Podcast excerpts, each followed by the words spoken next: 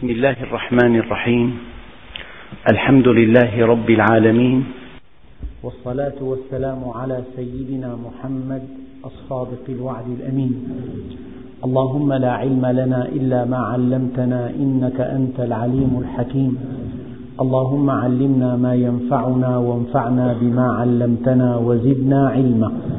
وأرنا الحق حقا وارزقنا اتباعه. وأرنا الباطل باطلا وارزقنا اجتنابه. واجعلنا ممن يستمعون القول فيتبعون أحسنه وأدخلنا برحمتك في عبادك الصالحين. أيها الإخوة المؤمنون مع الدرس الرابع عشر من سورة الأحزاب وصلنا في الدرس الماضي إلى قوله تعالى أعوذ بالله من الشيطان الرجيم. بسم الله الرحمن الرحيم. يا أيها الذين آمنوا لا تدخلوا بيوت النبي إلا أن يؤذن لكم إلى طعام غير ناظرين إناه ولكن إذا دعيتم فادخلوا فإذا طعمتم فانتشروا ولا مستأنسين لحديث إن ذلكم كان يؤذي النبي فيستحي منكم والله لا يستحي من الحق. وإذا سألتموهن متاعا فاسألوهن من وراء حجاب ذلكم أطهر لقلوبكم وقلوبهن وما كان لكم أن تؤذوا رسول الله ولا أن تنكحوا أزواجه من بعده أبدا إن ذلكم كان عند الله عظيما. أيها الإخوة الأكارم قبل أن نبدأ تفسير هذه الآيات هذه الآيات متعلقة بما يسمى بالآداب. لا تنسوا أن في الإسلام عقيدة وأن في الإسلام عبادة وأن في الإسلام معاملة وأن في الإسلام أدبا. الإسلام عقائد وعبادات. ومعاملات وآداب. فالعقيدة تستقى من كتاب الله الإيمان بالله وبرسوله وملائكته وكتبه ورسله واليوم الآخر والقدر خيره وشره من الله تعالى. العبادات الصوم والصلاة والحج والزكاة. المعاملات أحكام الزواج أحكام الطلاق أحكام البيوع أحكام الرهينة أحكام العارية أحكام القرض أحكام الآجار أحكام والآداب آداب المتعلم آداب المعلم آداب الطريق آداب الطعام. فالحقيقة الآداب هي في جوهرها كمالات. الإنسان إذا كان متأدبا بآداب الإسلام يأخذ الموقف الكامل في طعامه في شرابه في نزهته في جلوسه مع أهله في علاقاته بجيرانه. فلذلك أفرد العلماء بحوثا طويلة ودقيقة وممتعة ومأخوذة من كتاب الله ومن سنة رسوله حول الآداب. وأفضل من عالج الآداب الإمام الغزالي رحمه الله تعالى في إحياء علوم الدين. وفي درس سابق من دروس الأحد بينت آداب السفر. السفر له آداب الوليمة لها آداب طلب العلم له آداب. كل شيء كل نشاط نفعله. هناك منطلق نظري عقيدة وهناك أمر ونهي وهناك أدب. الشيء الآخر هو أن الإنسان لا يسعد في الجنة إلا بعمله الطيب. لا يسعد في الجنة. لا يستطيع أن يقبل على الله عز وجل. لا يستطيع أن يلتجئ إليه. لا يسعد بقربه إلا إذا كان كاملا. لأن الله طيب ولا يقبل إلا طيبا. وجملة الآداب هي في الحقيقة مواقف كاملة للإنسان. السؤال الدقيق الآن لماذا نرى فلانا كاملا في تصرفاته؟ وفلان ناقص. فلان عنده حياء وعنده أدب وعنده يعني ملاحظة وفلان عنده وقاحة وعنده تجاوز وعنده فظاظة. طيب هذه الآداب ما مصدرها؟ قد نتحدث عنها نقول آداب السفر كذا وكذا آداب مجالس العلم آداب الدخول للمسجد آداب طلب العلم آداب الطريق آداب الزيارة آداب عيادة المريض. هناك أبحاث طويلة كثيرة جدا أفردها العلماء في الآداب. يا ترى إذا تعلمنا هذه الآداب هل يكفي؟ إذا تعلمت أن أدب العيادة كذا وكذا وكذا وكذا أغلب الظن أنه لا يكفي. لأن الإنسان في سلوكه هناك آه، ضبط ظاهري وهناك آه، وازع داخلي. ما دامت نفسه بعيدة عن الله عز وجل فلا بد من أن يكون فظا وغليظا ووقحا ويأخذ ما ليس له ويؤثر مصلحته على مشاعر الآخرين. هذه كلها من بديهيات الإعراب. فلذلك سوء الأدب في أصله إعراض عن الله عز وجل. لأن كل الكمالات مخزونة عند الله. بقدر اتصالك بالله بقدر اصطباغك بالكمال الإنساني بقدر اتصالك بالله هو القدر نفسه تصطبغ به بالكمال الذي يسعدك في القرب من الله عز وجل. أردت قبل أن أبدأ الحديث عن آداب الوليمة أن أبين حقيقة الأدب. الأدب اتصال بالله. الأدب حياء الأدب مشاعر مرهفة الأدب ملاحظة دقيقة جدا. يعني النبي عليه الصلاة والسلام حينما شعر أحد أصحابه قد انتقض وضوءه وأنه إذا أذن العصر فسيخرج وحده ليتوضأ. هذه المراعاة دقيقة جدا لمشاعر أصحابه دعت النبي عليه الصلاة والسلام أن يقول لأصحابه كل من أكل لحم جزور فليتوضأ. فقالوا كلنا أكلنا لحم جزور. قال إذا كلكم فتوضأوا. أراد النبي عليه الصلاة والسلام أن يستر حال هذا الذي انتقض وضوءه. إذا هذا أدب جم. يعني النبي عليه الصلاة والسلام سحر أصحابه بأدبه. كان يقول له أحدهم ما هذا الأدب يا رسول الله؟ يقول أدبني ربي فأحسن تأديبي. ممكن إنسان يكون على مستوى رفيع من الأدب مع أهله مع أولاده مع أخوانه مع أصدقائه مع جيرانه في خلوته في جلوته في عمله في نزهته. كلامه دقيق كان عليه الصلاة والسلام أشد حياء من العذراء في خدرها. كان عليه الصلاة والسلام لا يواجه أحدا بما يكرهه كان يستحي كثيرا. كان عليه الصلاة والسلام لا يحمر الوجوه. لا يخجل أحدا حتى لو أراد أن ينبه أصحابه إلى بعض بعض ما بدر منهم كان يجمع أصحابه ويقول بشكل عام ما بال قوم يفعلون كذا وكذا دون أن يسميهم. إذا قبل الحديث عن آداب الوليمة لا بد من أن نعلم أنه بقدر اتصالك بالله عز وجل تصطبغ نفسك بالكمال الرباني وبقدر اصطباغك بكمال الله عز وجل تكون أديبا مع الناس. والأدب الرفيع صفة من صفات المؤمن المؤمن ذو أدب. شخصيته فذة فيها جانب عقلاني عالم ما اتخذ الله وليا جاهلا وفيها جانب أخلاقي وفيها جانب انضباطي.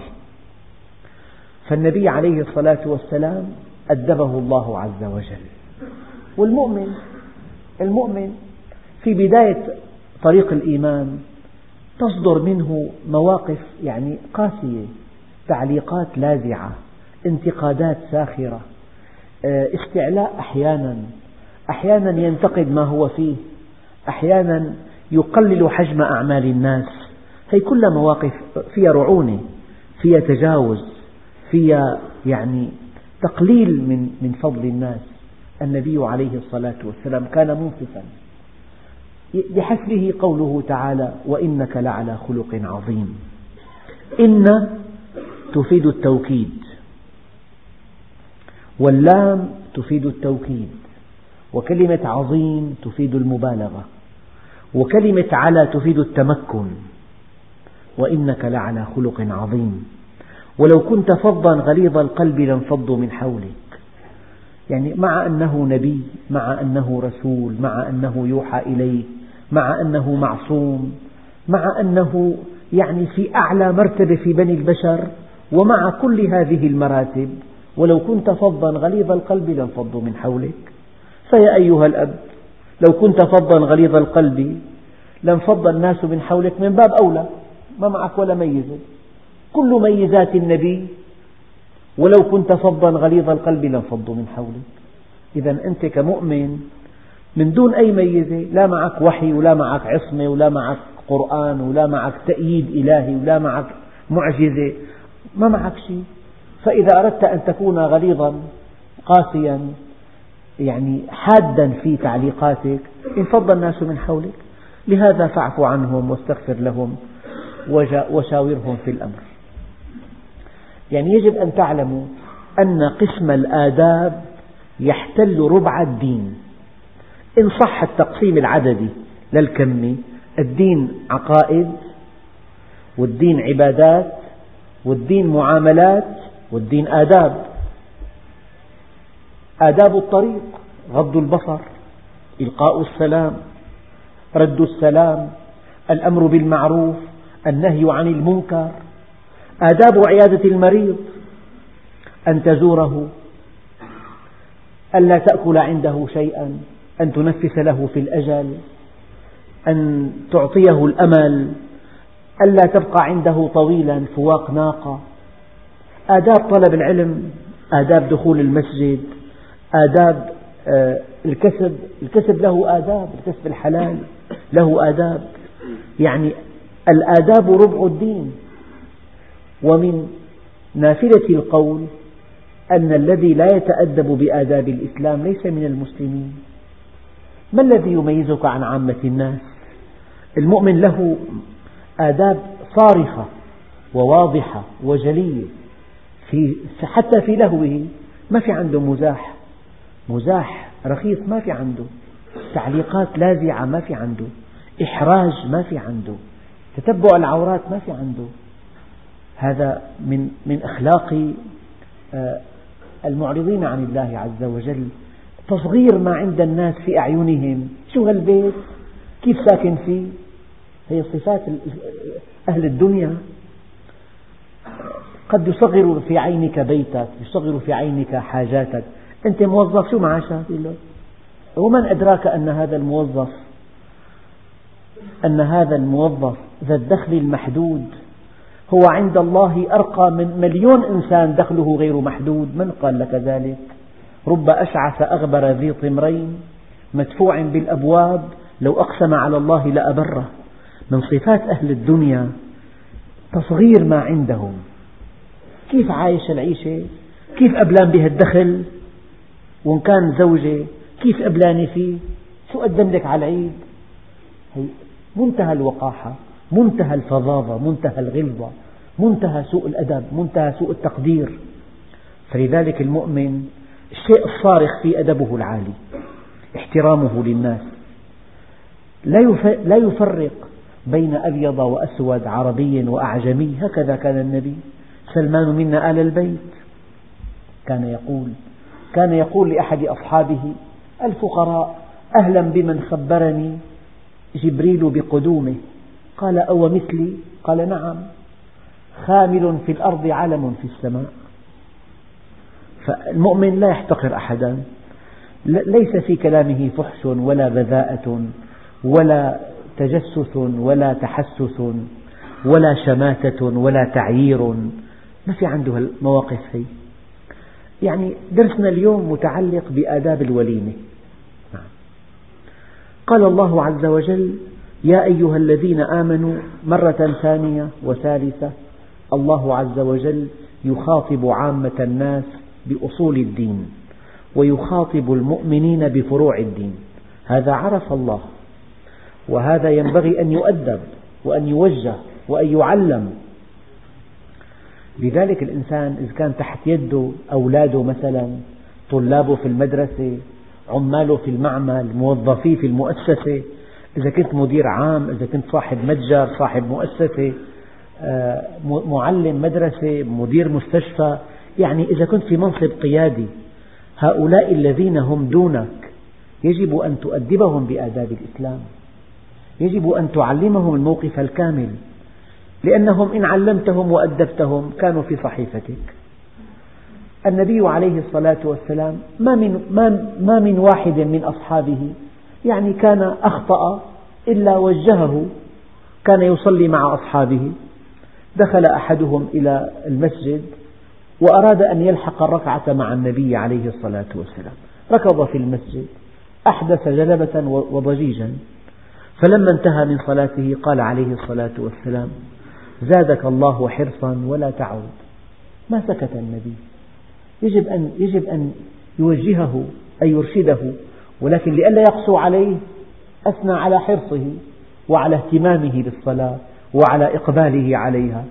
زادك الله حرصا ولا تعد ثانية لهذا. فأنت أولادك طلابك موظفيك من هم دونك إذا وقفوا موقف غير لائق لا ينبغي أن تسكت.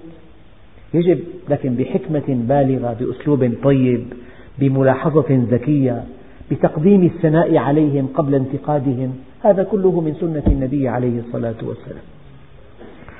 يا أيها الذين آمنوا لا تدخلوا بيوت النبي إلا أن يؤذن لكم. بيوت النبي لها مكانة خاصة عند الله عز وجل لأن هذا البيت يتنزل فيه القرآن لأن هذا البيت بيت صاحب الدعوة بيت النبي عليه الصلاة والسلام. هذا البيت قبلة الأنظار هذا البيت مكان راحة النبي هذا البيت مكان زوجاته الطاهرات. فلذلك كما أن بيت الله الحرام له شأن في القرآن وإذا قال الله البيت المقصود به البيت الحرام. وكذلك قال الله عز وجل إنما يريد الله ليذهب عنكم الرجس أهل البيت وأهل بيت النبي لهم مكانة عند الله عز وجل. وهناك علاقة بين نجاح دعوة النبي وبين سمو أهل بيته لذلك تولى الله بنفسه تطهير أهل بيت النبي. والآن بيوت النبي لها شأن كبير عند الله عز وجل. يا أيها الذين آمنوا لا تدخلوا بيوت النبي. أي لا تدخلوا بيوت النبي من غير إذن. من غير إذن. يقول بعض المفسرين العرب كانوا في الجاهلية يدخلون بيوت بعضهم بعضا من دون استئذان. هكذا. يعني وهذه الملاحظة قد تلاحظونها في مجتمع متخلف. يعني ما بهم؟ نساء كاسيات متحجبات غير متحجبات. يعني يدخل مباشرة لا يستأذن. طبعا الآن في في أبواب وفي أجراس وفي سقاطات وفي لكن ومع ذلك يدخل من دون أن ينتظر أين أدخل أين أجلس. يدخل مباشرة. فالدخول إلى البيت من دون استئذان هي من أخلاق الجاهلية. هذا البيت البيت الإنسان في زوجته في أولاده في بناته يا ترى بوضع لائق غير لائق؟ الزوجة متكشفة متحجبة؟ يعني مظهرها يمكن أن يراه الأجنبي؟ لا يمكن. فهذا حينما ترتفع القيود وترتفع الموانع وليس هناك ضوابط عندئذ الإنسان يدخل مباشرة من دون استئذان. فهذه من صفات الجاهليين عادة متأصلة في الجاهلية.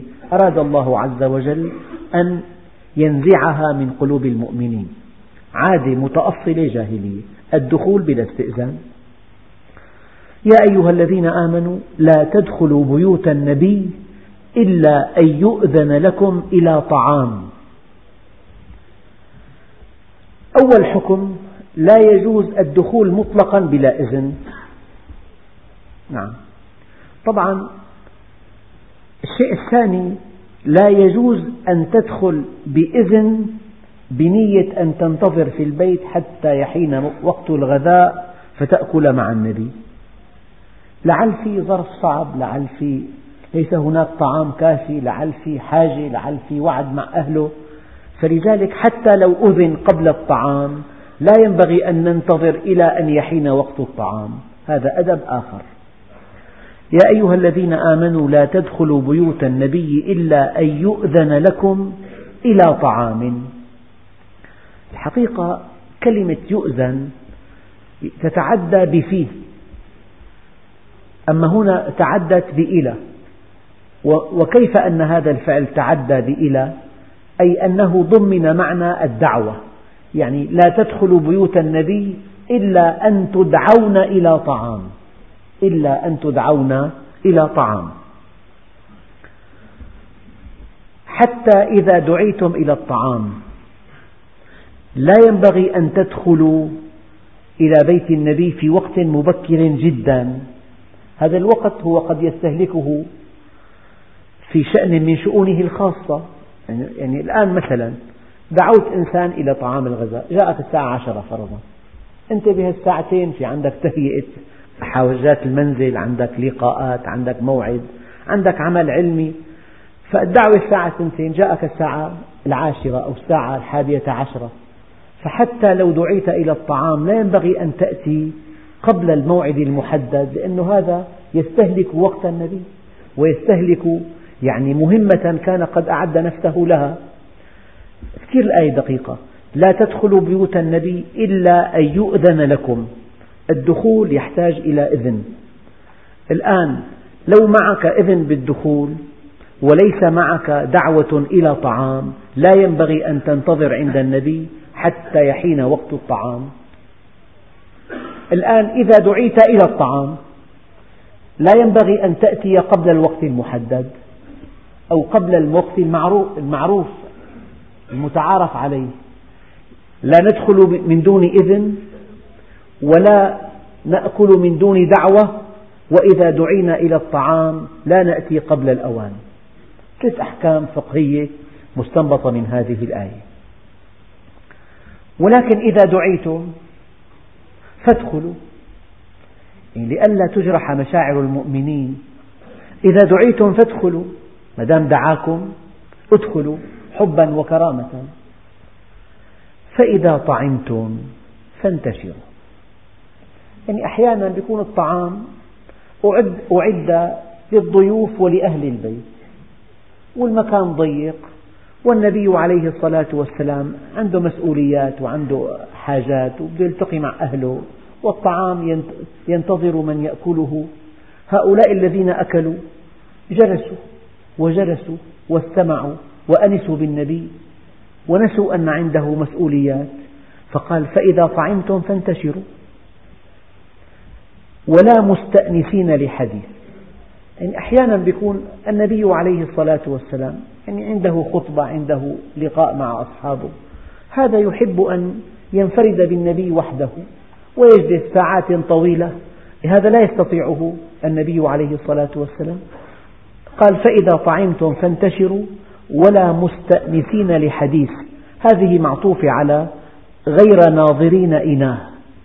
إن ذلكم يعني الدخول بلا استئذان وتناول الطعام بلا دعوة والمجيء إلى الدعوة قبل وقت كبير والمكوس بعد الطعام إلى ساعة متأخرة. أربع أحكام شرعية. إن ذلكم هذه المواقف كلها كانت تؤذي النبي. نعم. فيستحي منكم. والله لا يستحي من الحق. وهذه الآية تشير إلى عظم خلق النبي. يعني النبي ليس عنده إمكان إطلاقا أن يجرح أحد أصحابه. ولو بقي ساعات طويلة لا مستحيل. إن ذلكم كان يؤذي النبي فيستحي منكم.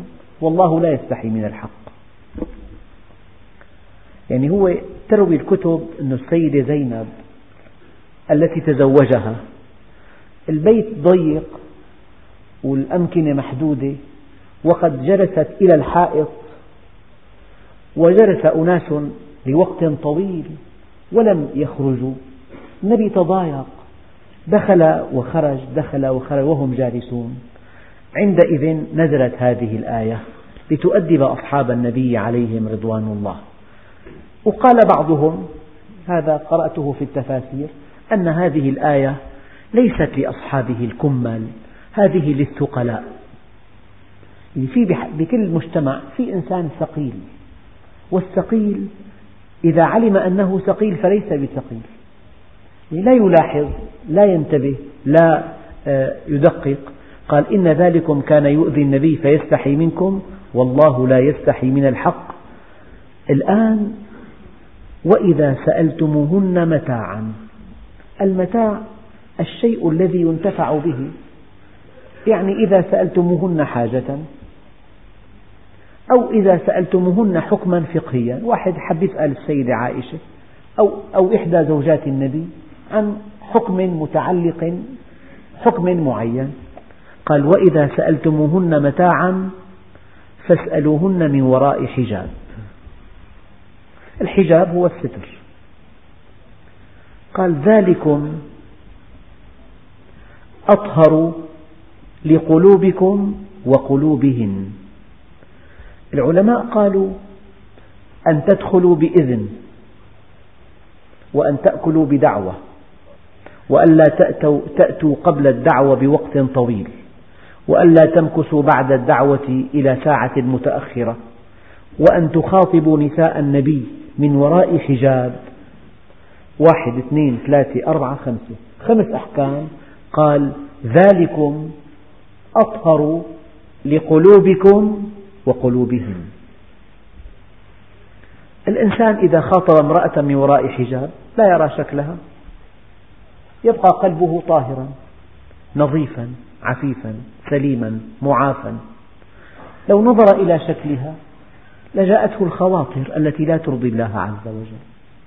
ولو أنها هي رأت رجلا وسمعت صوته وملأت عينيها منه لجاءتها بعض الخواطر هذه الخواطر لا ترضي الله عز وجل. فأن تخاطبوهن من وراء حجاب. أطهر لقلوبكم وقلوبهم. أطهر للنفس. أسلم للصدر أدعى للمودة. أقرب إلى الله عز وجل. ذلكم أطهر لقلوبكم وقلوبهن. وما كان لكم أن تؤذوا رسول الله. ولا أن تنكحوا أزواجه من بعده أبدا. يعني ما كان لكم أن تؤذوا رسول الله في حياته ولا بعد مماته لا في حياته ولا بعد مماته. ما كان لكم أن تؤذوا رسول الله في حياته بأن تدخلوا عليه بلا استئذان وبأن تأكلوا من غير دعوة وبأن تأتوا قبل وقت الدعوة فتستهلكوا وقته. وبأن تمكثوا بعد الطعام إلى ساعة متأخرة وبأن تحدثوا نساءه مشافهة من دون حجاب. هذا كله إيذاء للنبي. وما كان لكم أن تؤذوا رسول الله ولا أن تنكحوا أزواجه من بعده وأن تنكحوا أزواجه من بعده إيذاء له بعد موته. إذا أنتم منهيون عن أن تؤذوه في حياته ومن بعد مماته. أبدا. إن ذلكم كان عند الله عظيما. هذه النقطة الدقيقة. أن الإنسان كلما على مقامه عند الله دافع الله عنه. كلما علا مقامه عند الله صارت حياته عند الله غالية. وصار يعني من آذى لي وليا فقد آذنته بحرب. من آذى لي وليا. الإنسان لا يتورط ويأذي من يحبهم الله عز وجل. لا يتورط ويتحدث على من يحبهم الله عز وجل. لا يتورط ويتحدث بالأذى وبالقسوة وبالتهم على من يحبهم الله عز وجل. لأنه من آذى لي وليا فقد آذنته, آذنته بحرب. لأن هذا الولي يعني بشكل أو بآخر باب لله عز وجل. يعني مثل يقتدي الناس به. فإذا أردت أن تحطم هذا المثل إذا أردت أن تصغره في عين الناس لحسد أو لحقد أو لما شابه ذلك فقد آذنت الله بحرب. وعندئذ الله سبحانه وتعالى يقسم هذا الإنسان. ولو كان هناك متسع من الوقت لذكرت لكم قصصا كثيرة عن أناس تطاولوا وقسوا وتهجموا لكن الله عاجلهم بالعقاب. لذلك قالوا لحم العلماء مسموم. بمعنى أنه من أكل من لحومهم من دون تبصر من دون تروي من دون تحقق من دون تدقيق. هكذا جزافا من دون فهم. فقد آذى الله عز وجل. إن ذلكم كان يؤذي النبي فيستحي منكم. وما كان لكم أن تؤذوا رسول الله ولا أن تنكحوا أزواجه من بعده أبدا. إن, إن ذلكم كان عند الله عظيما. الآن إن تبدوا شيئا أو تخفوه. يعني إذا الإنسان وقف موقف معلن من النبي عليه الصلاة والسلام في عداء أو موقف مبطن كلاهما عند الله سواء. يعني إن أسررت أو وقفت موقفا احتياليا هذا كله عند الله مكشوف. إن تبدوا خيرا إن تبدوا شيئا أو تخفوه فإن الله كان بكل شيء عليما. وهذا من نوع التهديد. يعني عملكم عند الله مكشوف نواياكم مفضوحة مواقفكم متبدية طموحاتكم تحت النقد الشديد. يعني الله سبحانه وتعالى بالمرصاد. لكن نساء النبي عليهم رضوان الله لهن أن يظهرن أمام آبائهن لا جناح عليهن في آبائهن. نعم. آبائهن ولا أبنائهن ولا إخوانهن ولا أبناء إخوانهن ولا أبناء أخواتهن ولا نسائهن ولا ما ملكت أيمانهن. واتقين الله إن الله كان على كل شيء شهيدا. يعني أم المؤمنين إذا توفي النبي عليه الصلاة والسلام فهي أم المؤمنين حقيقة بمعنى أنه لا يجوز لواحد أن يقترن بزوجة النبي عليه الصلاة والسلام. لكن التي تزوجها وطلقها وهي واحدة العلماء على خلاف في هذا الموضوع. لكنه إذا مات النبي عن زوجة فهذه أم المؤمنين حكما. ولا يجوز لأحد أن يتزوجها من بعد النبي. لكن هذه الزوجة لها أن تظهر طبعا حينما قال الله عز وجل وإذا سألتموهن متاعا فاسألوهن من وراء حجاب. هذه الزوجة الطاهرة زوجة النبي عليه الصلاة والسلام لا جناح عليها إن بدت أمام أبيها أو أمام ابنها أو أمام أخيها. أو أمام ابن أخيها أو أمام ابن أختها أو أمام امرأة مسلمة أو ما ملكت أيمانها طبعا من الجواري لا من العبيد. نعم. وقد أغفل الله عز وجل في هذه الآية العم والخال لأسباب كثيرة منها أن العم والخال بمنزلة الأب. واتبعت ملة آباء إبراهيم وإسماعيل وإسحاق إلها واحدا. أحد هذه الأسماء عم وليس أب. فالله سبحانه وتعالى سماه أبا. إذا العم بمنزلة الأب. العم والخال بمنزلة الأب. وقد قال عليه الصلاة والسلام العم والد والخال والد. فلذلك للمرأة الحق أن تظهر أمام زوجها طبعا من باب أولى. وأمام أبيها وأمام ابنها وأمام أخيها وابن أخيها وابن أختها وعمها وخالها. وأمام, وأمام النساء المؤمنات لأنهن لا يصفنها للأجانب منضبطات. وأمام ما ملكت أيمانهن من الجواري لا من العبيد. نعم. واتقين الله إن الله كان على كل شيء شهيدا. يعني مواقف العباد بعين الله عز وجل تحت يعني الفحص الشديد وتحت الأضواء الكاشفة. الآن يقول الله عز وجل إن الله وملائكته يصلون على النبي. يا أيها الذين آمنوا صلوا عليه وسلموا تسليما. هذه الآية لها معاني كثيرة ودقيقة جدا. وقد لا يعرف الناس أبعادها الحقيقية. يعني هذا الإنسان العظيم النبي عليه الصلاة والسلام هو المخلوق الأول. هو سيد الخلق وحبيب الحق. هو سيد ولد آدم صاحب الخلق العظيم صاحب المقام المحمود واللواء المعقود. الله عز وجل يصلي عليه. يعني في أدق معاني هذه الآية أنه يتجلى عليه. يتجلى عليه بالأنوار. يتجلى عليه بالرحمات. يتجلى عليه بما هو مسعد الآن أي مؤمن إذا اتصل بالنبي عليه الصلاة والسلام إن في حياته اتصالا مباشرا لقاء حقيقيا أو بعد مماته بذكره والصلاة عليه ومعرفة شمائله. هذا الاتصال الجسمي أو الفكري أو النفسي. الجسمي لقاء الفكري اطلاع على شمائله صلى الله عليه وسلم. أحيانا تقرأ عن النبي عليه الصلاة والسلام شيئا فتبكي. لماذا بكيت؟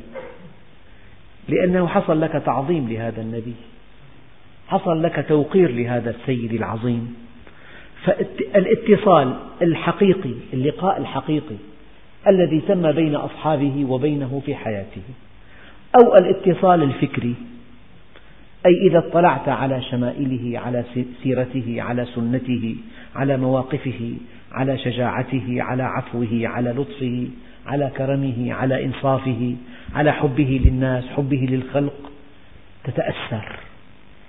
أو يعني حصل لك أن رأيته في المنام. هذا اتصال نفسي. في اتصال فكري. قرأت سيرته. في اتصال نفسي. رأيته في المنام. في اتصال حقيقي. كنت أحد أصحابه. قال إن هذا التجلي الذي أسبغه الله على النبي عليه الصلاة والسلام. تجلي أنوار تجلي مسعد تجلي رحمات تجلي طمأنينة. هذا التجلي تأخذ منه شيئا. يعني الله عز وجل يتجلى على النبي عليه الصلاة والسلام. وأنتم أيها المؤمنون إذا أردتم نصيبا من هذا فاتصلوا به. لذلك جاء قوله تعالى وصل عليهم إن صلاتك سكن لهم. يا رسول الله إني إن رأيتك اطمأنت نفسي. كان أحد أصحابه سيدنا ربيعة كان يخدمه فإذا انتهى وقت الخدمة وسمح له النبي أن يذهب إلى البيت يبقى على باب بيت النبي إلى أذان الفجر. ما الذي جذبه إلى النبي؟ هذه الأنوار ما الذي جذبه إلى النبي؟ هذه الرحمات ما الذي جذبه إلى النبي؟ هذه التجليات لذلك جيء النبي عليه الصلاة والسلام جيء له برجل يريد قتله فما إن دخل عليه النبي عليه الصلاة والسلام ابتسم قال يا هذا لو أردت ذلك لما سلطت عليه. فقال هذا الرجل والله يا محمد دخلت عليك وما رجل على وجه الأرض أبغض إلي منك وأنا الآن ليس على وجه الأرض رجل أحب إلي منك. ما الذي حصل؟ أي صار في اتصال يعني هلا جهاز. مركز كهربائي عالي التوتر. يعني أي إنسان وضع سلك يأخذ من هذا التوتر الشيء الكثير. هذا موضوع نفسي. هذا الموضوع متعلق بالصلة النفسية برسول الله صلى الله عليه وسلم. يعني في سر صعب نفهمه إلا بهالتفسير هذا. هؤلاء الذين عاشوا معه اندفاعهم إلى التضحية شيء لا يصور. لا يتصوره عقل. أن سيدنا جعفر تقطع يده اليمنى يحمل الراية باليسرى تقطع اليسرى يحملها بكلتا بكلا عضديه إلى أن يموت. في سبيل الله يعني رأينا من أصحاب النبي بطولات يصعب على التاريخ أن يصفها. ما السر؟ السر أنهم اتصلوا بنفس النبي عليه الصلاة والسلام. إن الله وملائكته يصلون على النبي. يا أيها الذين آمنوا صلوا عليه وسلموا تسليما. يعني هذا التجلي تجلي الرحمة تجلي الأنوار تجلي السعادة. تلاقي المؤمن سعيد جدا. سر سعادته أنه موصول برسول الله. سر سعادته أنه له نصيب من أنوار الله عز وجل. فلذلك النبي عليه الصلاة والسلام مما يؤكد ذلك. أن أحد أصحابه اسمه حنظلة قصة معروفة عندكم. مر به سيدنا الصديق قال له ما لك يا حنظلة تبكي؟ قال له نافق حنظلة. قال له ولم يا أخي؟ قال نكون مع رسول الله ونحن والجنة كهاتين. فإذا عافسنا الأهل ننسى. فقال سيدنا الصديق أنا كذلك يا أخي انطلق بنا إلى رسول الله. النبي الكريم يقول أما أنتم يا أخي فساعة وساعة. أما نحن معاشر الأنبياء فتنام أعيننا ولا تنام قلوبنا. لو بقيتم على الحال التي أنتم عليها عندي لصافحتكم الملائكة ولزارتكم في بيوتكم. هذا ممكن تفهم ليش تحس براحة بالمسجد؟ لك ارتحت. كأني انشحنت. إذا الإنسان غاب درس بحس بوحشة. طيب أنت أنت. يبدو أن الله عز وجل أيضا كل من زار بيته تجلى على قلبه. إن بيوتي في الأرض المساجد وإن زوارها هم عمارها. فطوبى لعبد تطهر في بيته ثم زارني. دخولك لبيت الله. أنت الآن حتتلقى من الله الإكرام. ما الإكرام؟ ما في سكرة هون. بس بتحس براحة. لو وزعت على أهل بلد لكفتهم. بتحس بطمأنينة. بتحس بأنك تملك قرارا صحيحا تملك رؤية صحيحة. دائما في عندك ثلاث أشياء بتجليات الله عز وجل. في جانب من التجلي نور ترى به الخير خيرا والشر شرا. الصلاة نور. المصلي يملك نظر ثاقب رؤية صحيحة يعرف حقائق الأمور. أحد ثمار الصلاة النور. والنبي عليه الصلاة والسلام في حديث يقول الصلاة نور. والآية تقول يا أيها الذين آمنوا اتقوا الله وآمنوا برسوله يؤتكم كفلين من رحمته ويجعل لكم نورا تمشون به في نور. أنت مستنير. الكافر أعمى. الكافر يفعل يتحامق. الكافر يفعل الشيء المنكر. الشيء غير المنطقي غير الواقعي غير المألوف. لأنه أعمى. أعمى يخبط خبط عشواء. الذين كفروا وصدوا عن سبيل الله أضل أعمالكم. المؤمن في نور بقلبه. هذا النور جاءه من اتصاله بالله عز وجل. هذا النور جاءه من اتصاله برسول الله. هذا النور جاءه من صلاته. هذا النور جاءه من دخول بيوت الله عز وجل. في بيت الله وفي الصلاة وفي الاتصال برسول الله تأتيك هذه الأنوار. واتقوا فراسة المؤمن فإنه ينظر بنور الله وينطق بتوفيق الله. وإنها لا تعمى الأبصار ولكن تعمى القلوب التي في الصدور. إذا هيا أيها الذين آمنوا صلوا عليه أي كي تشتقوا من أنواره النبوية المحمدية. الله نور السماوات والأرض. أي وحدة. الشيء الثاني في تجلي أخلاقي. يعني أنت باتصالك بالله عز وجل عن طريق النبي عليه الصلاة والسلام تتحلى بمكارم الأخلاق. صارت الرحمة عندك ليست عملا ذكيا متكلفا. بجوز إنسان يكون ذكي جدا يعمل عمل فيه رحمة بس قلبه قاسي. لكن ذكي أراد انتزاع إعجاب الآخرين. أما إذا اتصلت بالله اتصالا حقيقيا يمتلئ قلبك بالرحمة. يعني والقلب الرحيم أقرب قلب إلى الله عز وجل. الآن في عنا غير الأنوار اتصال الكمال. فالمؤمن كامل منضبط ليس انضباطه برادع خارجي بل بوازع داخلي. هذا الفرق الدقيق. لو أقمنا أجهزة مراقبة دقيقة جدا ضبطت الأمور هذا كله ردع خارجي. أو رب على الردع الخارجي.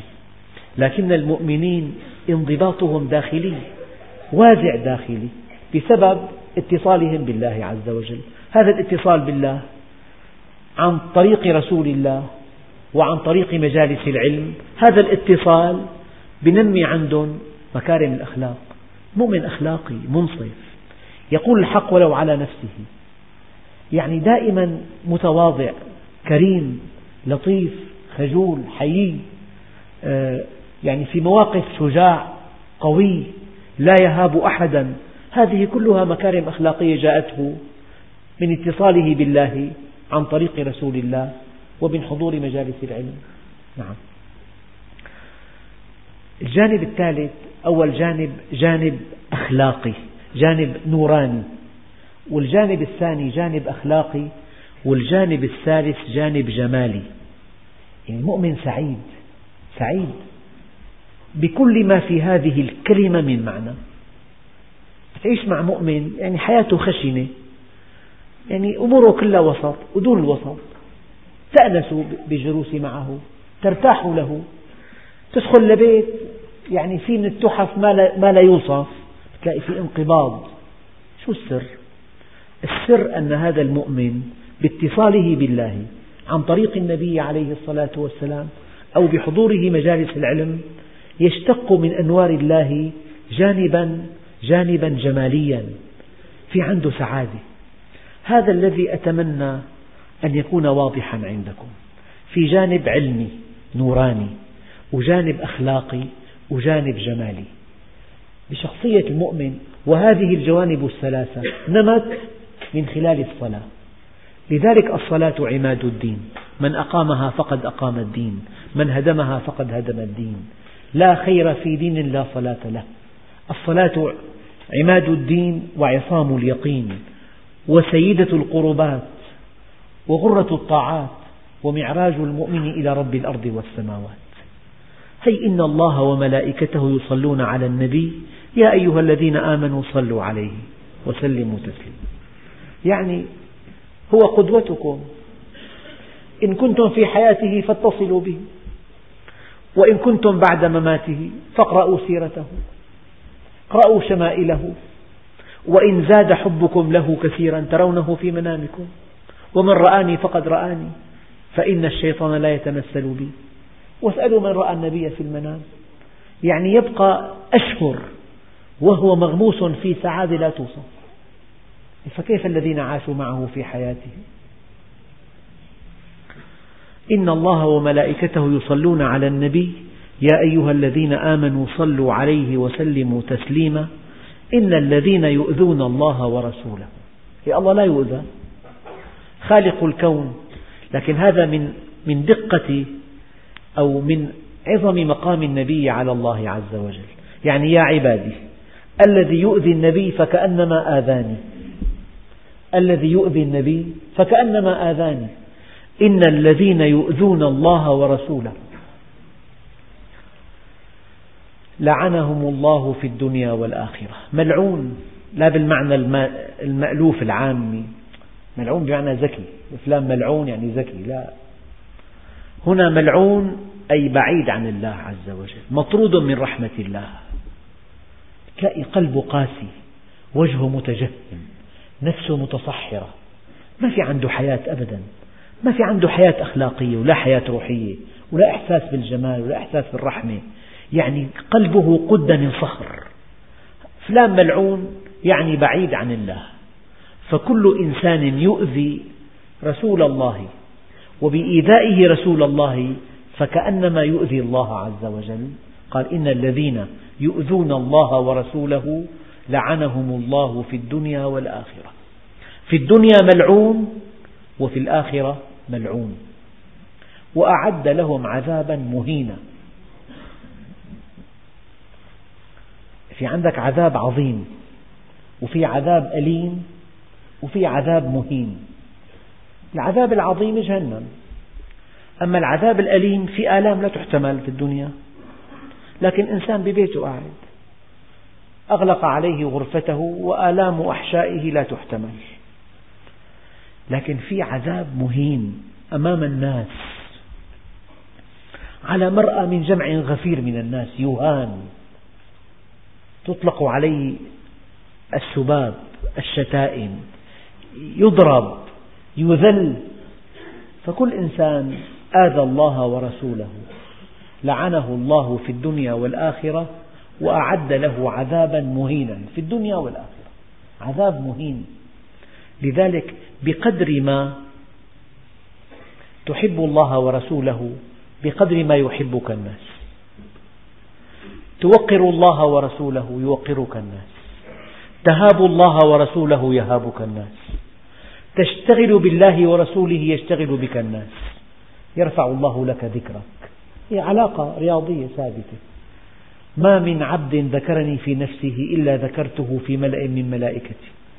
وما من عبد ذكرني في ملأ من خلقه من خلقي إلا ذكرته في ملأ خير منهم يعني أنت شغلك الشاغل أن تعرف الناس بالله وربنا عز وجل يكافئك بأن يرفع لك ذكرك يرفع لك شأنك يلقي حبا حبك في قلوب الناس. أما الذي بالعكس الذي يؤذي الله ورسوله هذا ملعون في الدنيا والآخرة وله في الآخرة عذاب مهين.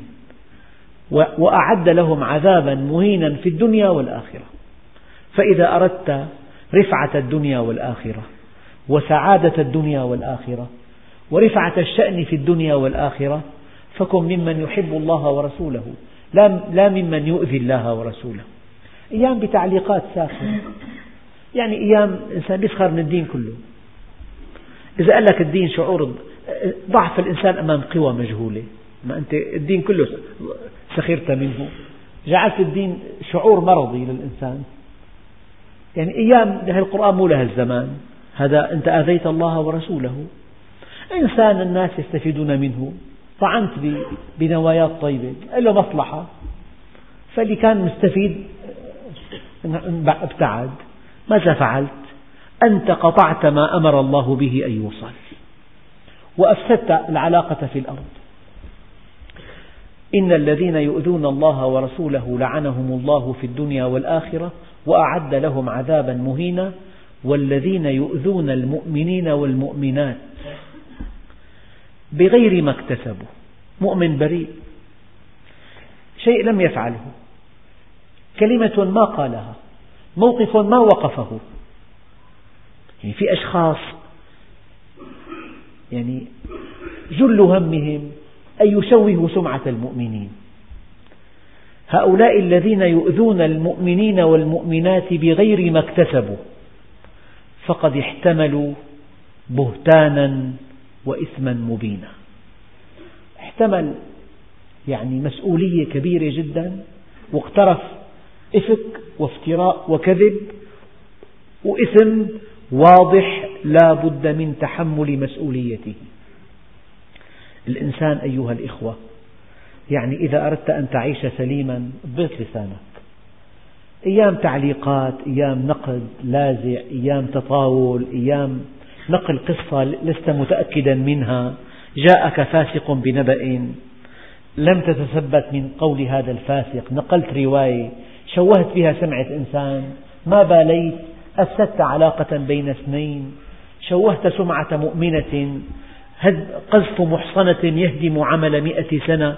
قال إن الذين والذين يؤذون المؤمنين والمؤمنات بغير ما اكتسبوا. ما له ذنب. أيام امرأة مؤمنة طاهرة تتهمها من دون دليل من دون برهان من دون يقين. رجل مؤمن صادق له عمل طيب له نوايا خبيثة له مقاصد. أنا أعرفه من أجل ماذا تقول الكلام هذا؟ هذا يحدث دائما. أيام يكون طالب معجب بأستاذه. الأب هيك بسذاجة هذا ما بفهم شيء هذا. طيب هذا أستاذ ابنك هذا. الابن قاعد معه ست ساعات. والابن معجب بأستاذه. أنت مشان تظهر أمام أسرتك أنه أنت أفهم منه. مو فهمان شيء. طيب هذا ماذا فعلت أنت؟ أنت ضعضعت الثقة. قطعت العلاقة. موقف غير, غير حكيم هذا. فكل إنسان بيأذي مؤمن بتشويه سمعته بحديث غير صحيح عنه. فهذا والمؤمنات بغير ما اكتسبوا فقد احتملوا بهتانا. تحمل يعني تبعة ذنب خطير وهو البهتان وإثما مبينا. والحمد لله رب العالمين.